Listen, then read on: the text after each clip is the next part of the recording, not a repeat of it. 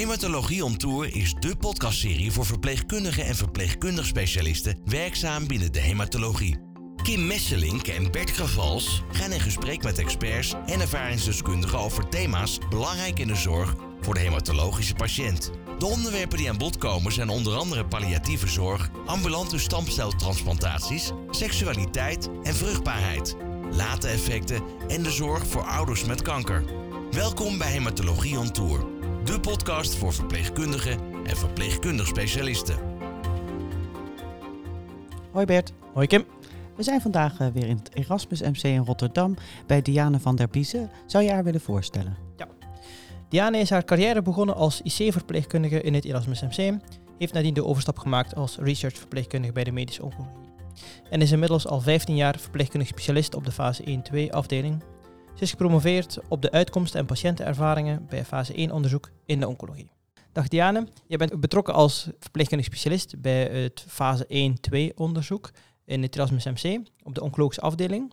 Ehm, waar staat die fase 1 voor? Fase 2, fase 3? Wat betekent dat? Fase 1 onderzoek. Dat is onderzoek naar nieuwe behandelingen tegen kanker. En dat is het onderzoek wanneer je het voor het eerst geeft aan een patiënt. En we vragen aan patiënten met vergevorderde kanker zonder uh, behandelopties of hele beperkte opties om deel te nemen aan dit soort onderzoek. Jij zou denken dat dat eigenlijk patiënten zijn die nog redelijk fit zijn, uh, zonder verdere opties en die nog heel gemotiveerd zijn om uh, behandeld te worden. Want dat is wel een, een, voorwaarde, zeg maar, dat die patiënten uitbehandeld zijn, dat er geen standaardbehandeling meer voor ja, ja, want het zou niet ethisch zijn hè, om mensen een behandeling te onthouden waarvan we eigenlijk al bepaald hebben dat hij wel voor ze hun kan werken. Ja. Wat natuurlijk soms wel kan, is dat er een behandeling is die, waarvan we ook wel weten dat die eigenlijk niet zo effectief is. Maar dat we denken dat het nieuwe middel wat ontwikkeld wordt, eigenlijk heel goed past bij de specifieke eigenschappen van de tumor die die ene patiënt dan heeft.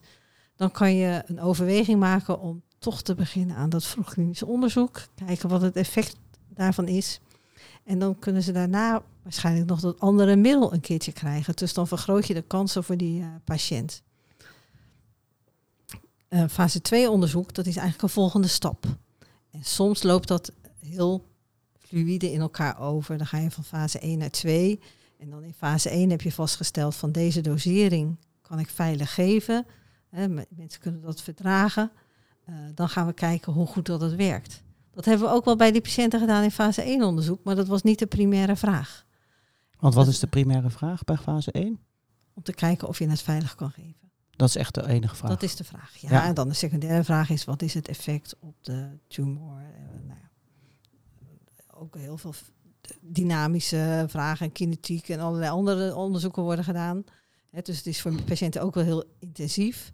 Maar in fase 2 ga je kijken van, nou, hoe goed werkt dat? En dan vanuit de data die uit de eerdere hè, fase 1 onderzoek komt, ga, ik, ga je bepalen van nou, we moeten dat geven aan dit soort patiënten, bijvoorbeeld met dit soort tumoreigenschappen of, of andere dingen. Of mensen moeten deze labuitslagen hebben om het uh, goed te kunnen verdragen. Of mensen mogen geen bepaalde ziektes hebben, want die twee, die middelen en die ziekte die ze dan al hebben, bijvoorbeeld bij immunotherapie, als mensen al een immuungemedieerde aandoening hebben, dan kan je het gewoon sowieso niet veilig geven. Dus daar komt echt wel heel veel bij kijken om dat heel precies uit te zoeken welke patiënt nou bij wat past. Uh, je kan je ook voorstellen hè, dat, dat als mensen in zo'n heel proces zitten waarbij ze heel graag toch deel willen nemen aan zo'n behandeling, omdat ze eigenlijk nog niet klaar zijn met het leven, dat er ook heel veel teleurstelling bij kan komen als het uh, toch niet gaat lukken om te starten. En we weten dat dat uh, toch bij bijna nou, 40% niet lukt om te voldoen aan de inclusiecriteria. En wat zijn dat dan voor inclusiecriteria? Ja, het kan van alles zijn. Het ligt eraan hè, wat voor middel het is. Het kan zijn dat iemand uh, een labuitslag uh, heeft wat toch te hoog is uh, voor deelname. Het kan ook zijn dat ze bepaalde medicijnen gebruiken die het dus echt niet kunnen of waar ze echt niet buiten kunnen. Ja, eigenlijk is het jammer dat je dan, dan pas erachter komt natuurlijk. Maar ja, dat gebeurt natuurlijk soms toch echt wel. Het kan zijn dat je bepaald cardiologisch onderzoek doet en dat... Um, als je een goede contractiekracht van het hart wil hebben bij een bepaalde medicatie, dat dan toch blijkt dat dat niet aanwezig is. Of dat mensen een afwijking hebben op het ECG, waarvan je denkt dat het onveilig is om dat te geven met die middelen. Het kan ook zijn dat natuurlijk mensen opeens een progressie van ziekte hebben, Waardoor heel veel dingen uit de pas gaan lopen. Dus dat je eigenlijk een beetje te laat bent. Dus er zijn eigenlijk al best wel veel mensen die in die fase 1 al afvallen. Bijvoorbeeld al. Ja, Ja. eh, Om te, eh, die fase 1 zoals je net zei, Ja. dat is om te kijken of het überhaupt gegeven, hè, of je het überhaupt kan geven. Er is ook wel heel veel onderzoek naar gedaan, hè, omdat het eh, teleurstellend is voor de patiënt. Hè, dat het ook heel veel tijd van ons vraagt. En omdat je ook onderzoek doen kost gewoon heel veel geld. Maar we kunnen eigenlijk niet een, een paar. Kijk, we weten wel een paar dingen dat die voorspellend zijn. Maar eigenlijk zijn er geen goede criteria voor. Want als je die criteria zou hanteren, dan sluit je ook weer heel veel mensen uit die het best wel zouden Zouden redden. kun- ja, zouden Ja. kunnen krijgen. Ja, ja. Dus dat, dat is een, eh, een balans. En eh, zou je kunnen zeggen dat fase 1 studie dan eh, dat dat eigenlijk gevaarlijk is voor mensen? Nee, het is net zo gevaarlijk als reguliere behandeling. Oké. Het is zo dat ongeveer 0,5% van de patiënten die behandeld wordt voor hun oncologische ziekte overlijdt aan hun behandeling. En eigenlijk zijn die cijfers voor dit soort onderzoek gelijk. Dus het is niet extra veilig. Maar je loopt allemaal een risico om eh, te overlijden. En je was gebleven bij fase 2. En wat is fase 3? Fase 3. Kijk, je hebt eerst vastgesteld, we kunnen het veilig geven. En bij fase 2 hebben we gezegd, nou, we zien echt wel effect hè, bij die en die en die tumoren. Maar is dat effect dan eh, net zo goed hè, of beter dan de behandeling die we al hebben? En als het net zo goed is en het heeft minder bijwerkingen, is dat ook weer voordelig voor de patiënt. Is het eh, niet net zo goed, waarom zou je dan eh, iets anders eh, gaan geven? Weet je? Want dan zijn die patiënten slechter af. En als het beter is, nou, dan is het winst voor, voor zo'n patiënt. En het kan ook wel zijn dat het een aanvulling kan zijn in de hele behandelstrategieën die hebt voor patiënten. Ja, dat het eigenlijk een extra middel is Ja. bij wat je, Ja. al, ge- Ja. wat je al geeft. Ja. Ja. Ja. En, en dan in fase 4? Fase 4, ja, dat is een soort p- populatie-based onderzoek. Dat wordt natuurlijk niet meer in een academisch ziekenhuis gedaan. Dat wordt meer geïnitieerd door de sponsor zelf. Eh, Ja, daar kan ik misschien ook wel wat over zeggen. Dat is meestal als het, als het eh, geneesmiddel al geregistreerd is. Dus fase 3, op basis daarvan eh, krijg je dan een, eh, een registratie. Als dat inderdaad beter is dan de standaardzorg. En fase 4 is als het al op de markt is. Om te kijken hoe doet de, de gehele populatie het. Niet alleen de studiepopulatie. En wat betekent deelnemen aan, aan klinisch onderzoek, vroeg klinisch onderzoek voor de patiënt? heel veel ziekenhuisbezoeken. Dat heeft eh, een balans. Hè. Dat kan fijn zijn, maar ook niet zo fijn. Omgaan met heel veel onzekerheid. Want ja, mensen komen van een behandelende arts, komen ze, dat is bij ons, maar ook in andere ziekenhuizen, komen ze in zo'n fase 1-team of zo'n vroeg klinisch onderzoekteam, die dan een soort de hand- behandeling overnemen. Wij gaan patiënt informeren. Dat ze geïnformeerd zijn, gaan we kijken of er ergens een plekje is. Als er ergens een plekje is, krijgen ze daar weer informatie over. Dan gaan we inform consent gesprek doen. Gaan we alle vragen beantwoorden. De essentiële dingen vertellen, want ja, je kan niet alles vertellen. Dan begint de screening. En net wat ik al zei, dan begint al de eerste hobbel. Want kom je door die screening heen? Dan zijn ze door de screening heen en kunnen ze starten met de behandeling in studieverband. Vaak, zeker bij fase 1, worden patiënten een nachtje opgenomen. Omdat we heel veel onderzoeken willen doen die dag. Eigenlijk, al die mensen komen in het ziekenhuis, slapen allemaal slecht thuis. Ja. Zijn zenuwachtig, nieuwe mensen om hun bed. Spannend wat er gaat gebeuren. En wij weten ook al bij sommige middelen, ga je de, e- de eerste dag helemaal niks verwachten. Want ik krijg een pil en dan, eh, nou, die bijwerkingen komen na een week. Maar we hebben ook middelen waarvan we echt wel weten dat ze s'avonds met koorts in bed liggen. En eh, wat dan wel heel mooi is, dat mensen dan wel relateren aan de ervaring die ze al hebben. ja. Dus als mensen bijvoorbeeld nog nooit immunotherapie hebben gehad en eigenlijk altijd goed door de chemotherapie zijn gehobbeld, dan zeggen ze, ah, maar eh, nou, ik heb nog nooit ergens last van gehad. Ja. Dan zeggen wij, ja, maar we weten nu wel zeker dat s'avonds... U had toch gelijk. ja. Maar je moet je mensen wel daarop voorbereiden. En eh, een soort van normaliseren dat dat erbij hoort. En dat, dat je eigenlijk ook geen effect kan verwachten van zo'n behandeling als zo'n bijwerking er niet bij is. Nou, die bijwerkingen en zo, dat ik kan me voorstellen dat het enorm spannend is voor patiënten. Maar we hadden het er in het voorgesprek al over. Het is natuurlijk ook een enorme hoop voor heel veel patiënten. Want Eh, ze weten, in tegenstelling tot fase 3 onderzoek, dat ze absoluut behandeld gaan worden. In fase 3 word je soms, krijg je, is de kans op een placebo eh, er ook natuurlijk. Ja. Wat vertellen patiënten over, eh, over die hoop? Hebben ze niet te veel hoop? Hoe ga je daarmee om? Nou, hoop is wel de belangrijkste drijfveer om eh, deel te nemen aan vroeg onderzoek. En die behandeling wordt hun eh, stip op de toekomst. En we weten ook dat er een bepaalde categorie patiënten is die eh, heel graag wil deelnemen aan vroeg klinisch onderzoek. En dat zijn mensen die vaak heel proactief zijn, die kunnen heel vasthoudend, maar ook kunnen switchen naar andere mogelijkheden als die zich voordoen. En verder draagt die hoop bij aan hun kwaliteit van leven. Dus het is een hele eh, spannende tijd. Ze hopen dat dat iets voor hun zal betekenen. En eh, er zijn heel veel mensen die denken dat het een soort van onrealistische hoop eh, is. Maar we weten wel dat als we daar verder op doorvragen. Goh, denkt u dat dit nou werkelijk zal gebeuren? Of hoopt u daarop? Dat ze zeggen, ja, ik weet het natuurlijk nog niet. Maar ik hoop het wel. Hetzelfde de vraag van, ik wil volgend jaar met de camper naar Amerika. Eh Corine van Nierop heeft daar eh, heel veel over geschreven. Hè, dat die patiënten echt wel weten dat ze dat niet gaan redden. Maar dat dat wel iets is om aan vast te houden. Mhm. En wat je ook ziet is dat die hoop verandert tijdens de deelname. Kijk, eerst hopen ze dat ze deel kunnen nemen. En als ze dan deel kunnen nemen, hopen ze dat er een goede uitkomst is. En als dan die goede uitkomst er is, hopen ze dat die uitkomst langer aanblijft. En eigenlijk zie je dan dat hun leven in een wat rustiger vaarwater komt. Want die eerste twee kuren zijn vaak echt eh, super spannend. Eh, en vervolgens hopen ze natuurlijk dat ze heel lang effect eh, zullen hebben van die behandeling. En wat je ook wel ziet, is dat als het dan toch uiteindelijk weer progressie van ziekte is, dat mensen van slag zijn. Maar als je ze een dag later belt van, goh, nou hoe gaat het nu? Dat ze zich alweer bepakt hebben en het volgende plan klaar hebben liggen. En dat volgende plan zou kunnen zijn dat ze met een volgende vroegklinisch onderzoek meedoen. Of dat ze zeggen van, nou weet je, ik heb nu echt wel alles gedaan. En ik denk persoonlijk dat die mensen meer dan alles hebben gedaan. En dat we kunnen aansturen om een goed afsluiten van het leven.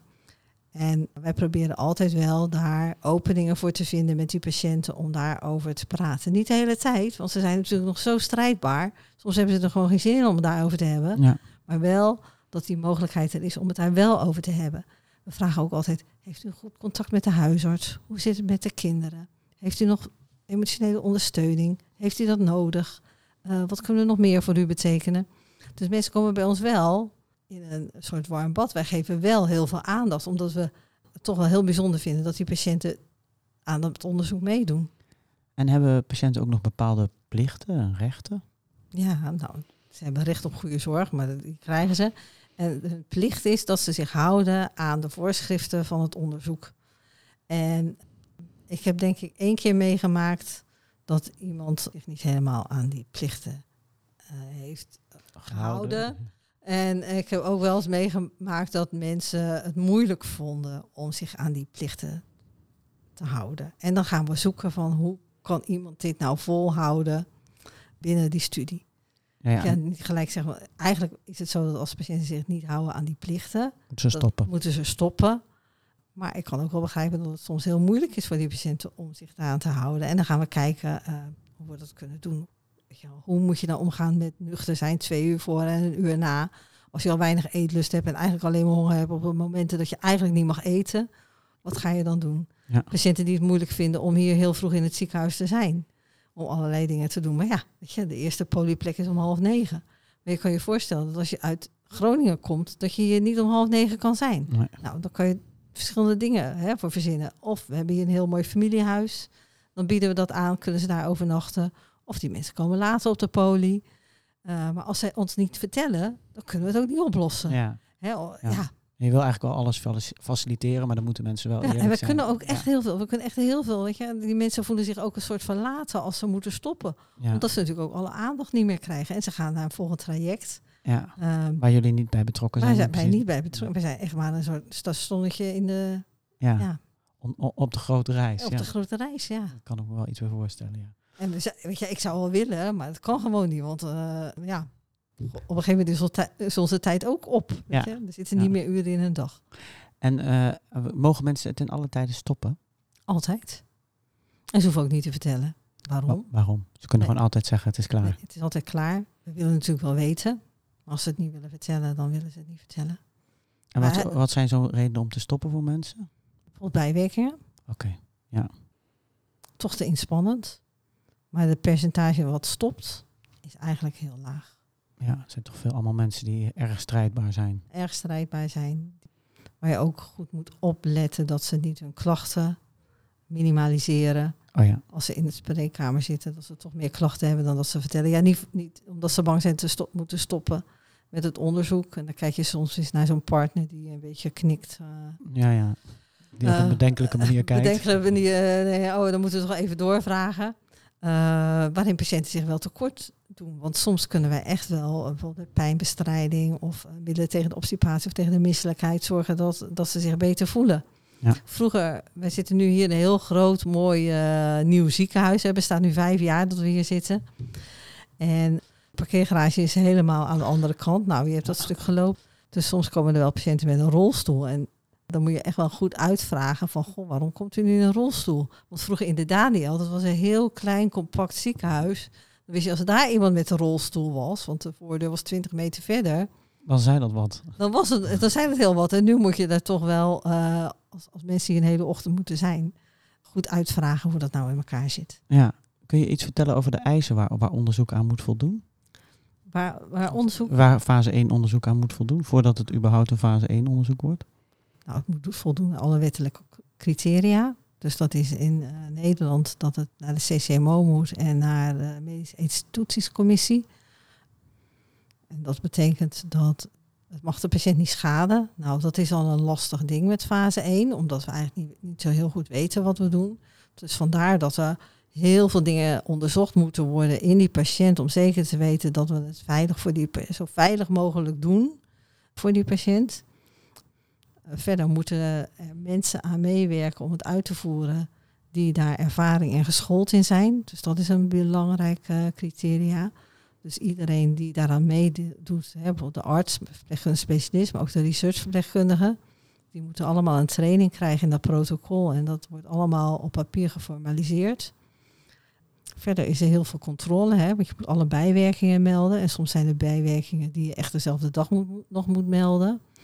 Eh, en als een patiënt opgenomen wordt, hè, dat is ook een regel van de uitvoer van zo'n protocol, moet je dat ook dezelfde dag nog me- melden. Dus er is heel veel regel en wetgeving, niet alleen Nederlands, maar ook Europees en eh, internationaal, waar zo'n protocol aan moet voldoen. Dus het is niet alleen Europa, maar ook de FDA. Dus het kan ook zijn dat wij eh, gecontroleerd worden door de FDA, De Amerikaanse. Amerikaanse Food and Drug Administration. Ik kan me voorstellen dat er eh, ook af en toe bijwerkingen voorbij komen waar je niet zoveel ervaring mee hebt. Want het, is natuurlijk, het zijn allemaal nieuwe geneesmiddelen. eh, Misschien ook onvoorspelbare of onbekende bijwerkingen.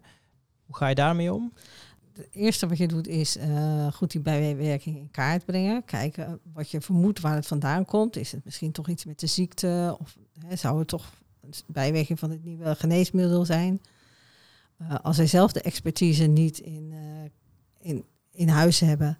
Bijvoorbeeld, we hebben het is al jaren geleden eh bijwerking gehad dat mensen een soort eh, blurry vision noemden we dat dan. Weet je, een Ja. soort, soort, ja. zien. En dat was echt, ja, dat gewoon niet. En nou, dan ga je die patiënten doorverwijzen naar de oogarts. En nu is het makkelijk, want nu zitten we in één gebouw. Iedereen, alles is hier. Ja. Ja, als mensen puitjes, pukkeltjes, of je, soms verwacht je dat ook helemaal niet. Weet je wel. meteen door naar de dermatoloog. Ga je gelijk door naar de dermatoloog.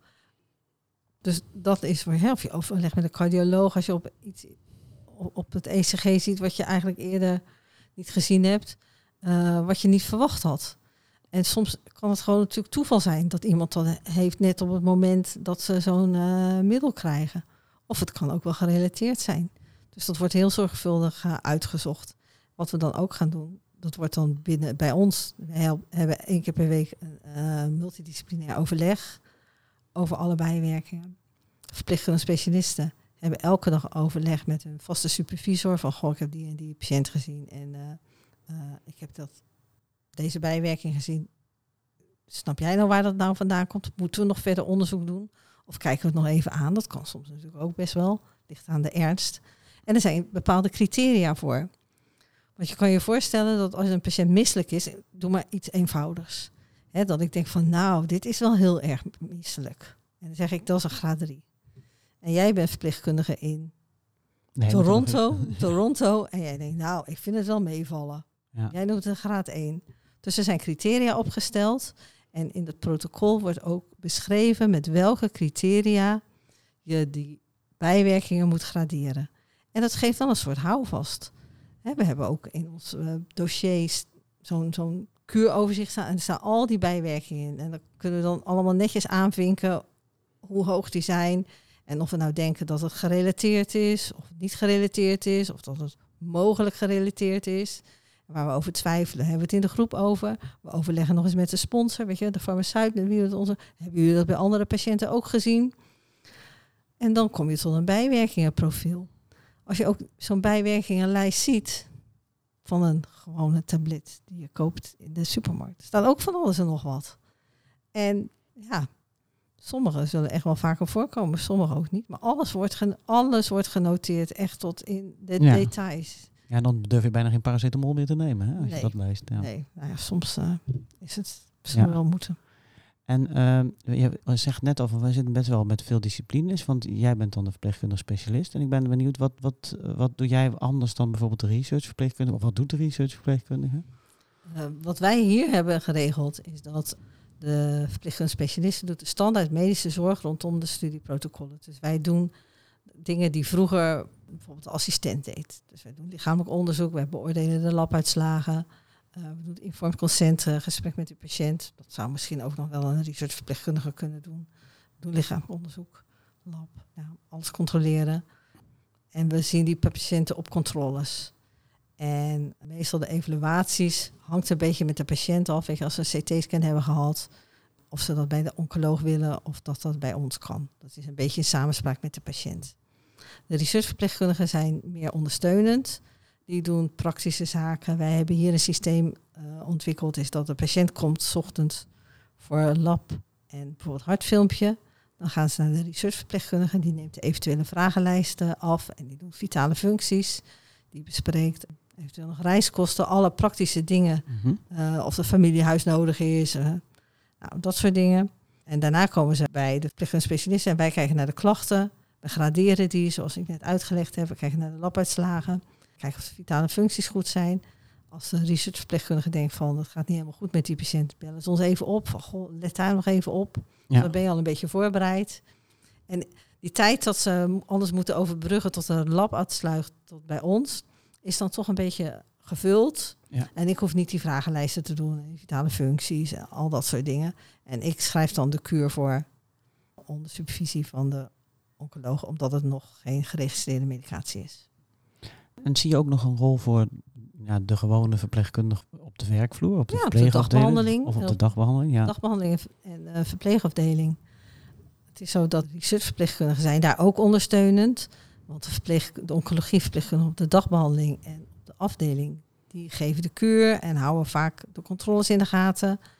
En eh, de researchverpleegkundige zorgt dat eh, het geven van die medicatie, de afname van wat we dan noemen kinetiek. Hè, dan kijk je wat het lichaam doet met het middel. Al die bloedafnames, eerst om het uur, dan twee uur, drie uur. Of dat, die, levert, levert dat aan en die, Ja, dat eh, die levert dat aan. En eh, die bespreekt dan met de patiënt. Hè, maar ook als een patiënt bijvoorbeeld een infusiereactie krijgt, dan weten zij vaak als eerste wat je heel goed moet doen. Dan nemen zij de eerste heft in de handen, vervolgens bellen ze ons. En dat moet natuurlijk allemaal ergens opgeschreven worden. En dat moet heel precies opgeschreven worden. Dat eh, de medicatie ging om 10 uur 30 aan. Om 10 uur 36 heeft die patiënt deze infusiereactie gehad. Toen is er zoveel milliliter ingelopen. De bloeddruk was dat en dat en dat. En ja, er komt heel veel administratie bij. Dus je moet wel van patiëntenzorg houden, maar ook niet administratie heel erg vervelend vinden. Want dat geldt voor de researchverpleegkundigen, maar ook voor ons. ja. Dat is echt de helft van de tijd is eh, administratie. Je had het erover dat je best een proactieve populatie hebt.